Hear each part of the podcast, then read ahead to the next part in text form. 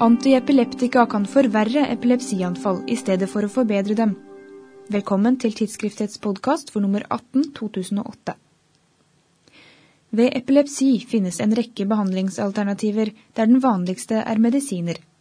Det finnes flere ulike typer antiepileptika, og både type og mengde må tilpasses hver enkelt pasient. Men legene får ikke sjelden overraskelser, i form av at medikamenter som er ment å skulle beskytte mot anfall, tvert imot forsterker anfallstendensen.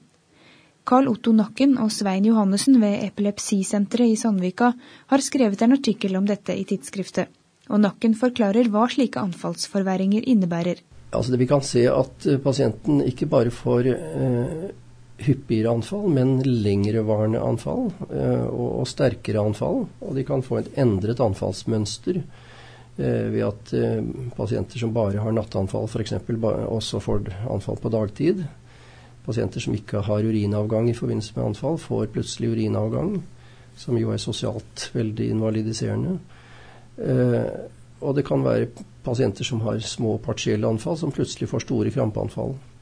Og I verste fall så kan man oppleve noe som heter status epilepticus, hvor det ene anfallet følger etter det andre uten at de våkner imellom.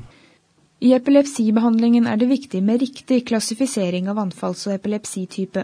Men i enkelte tilfeller kan også ulike anfallsformer forveksles med hverandre. F.eks. absenser absanser kan forveksles med komplekse partielle anfall, slik at man altså klassifiserer anfallene galt. Eh, og med den følge at man velger feil preparater, eh, som, som igjen har den uheldige konsekvens at pasientene blir verre enn i stedet for å bedre. Hva skal til for at det kan kunne kalles en forverring? Altså det er Internasjonalt så er man pussig nok ikke enige, enige om en, en definisjon av anfallsforverring. Eh, jeg foreslår i den artikkelen jeg skriver at eh, man kunne kalle det en forverring når man har fått en dobling av eh, anfallsfrekvensen i forhold til en, en baseline-periode.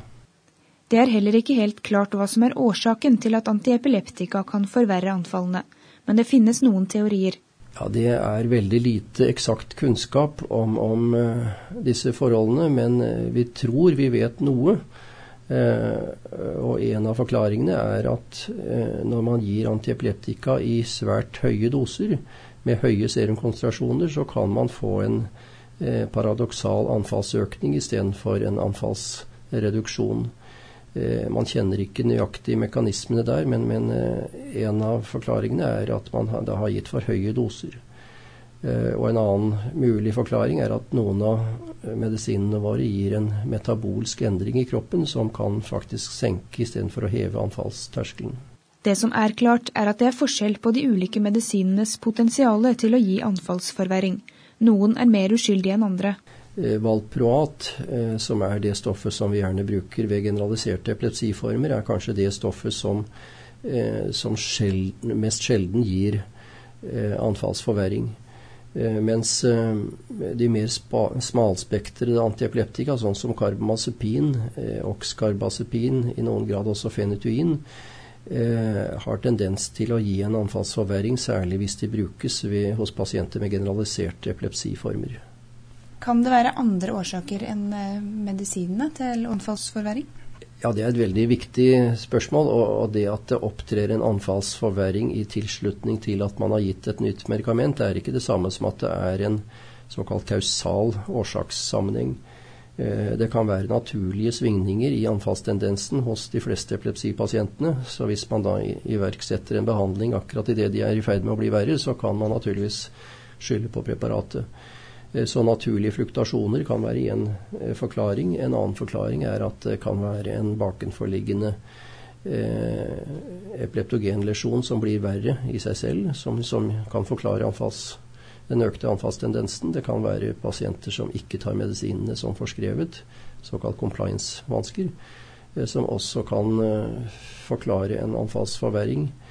Eh, ja, det er, en, det er en rekke andre også årsaker til at epilepsien blir verre, og, som man skal være oppmerksom på og, og ikke uh, umiddelbart skylde på preparatet.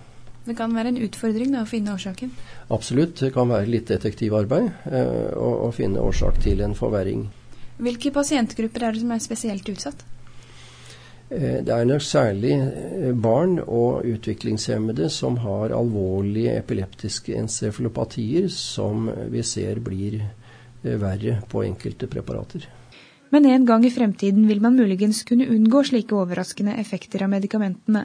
Nakken setter sin lit til farmakogenetikken. Så innbiller vi oss at i fremtiden så vil vi være i stand til å lage en genetisk profil av hver enkelt pasient Eh, slik at vi, vi enkelte omsetter eh, medikamentene på en spesiell måte. Og, det er viktig at vi i fremtiden kan kartlegge de da som eventuelt kan være utsatt for å få en såkalt paradoksal effekt av medikamentene. Men det er nok litt eh, fremtidsmusikk. Du kan lese mer om dette i oversiktsartikkelen i siste nummer av tidsskriftet. Her får du en oppsummering av hvilke anfallstyper og epilepsisyndromer som kan forverres av de ulike typene antiepileptika. Takk for at du hørte på tidsskriftets podkast.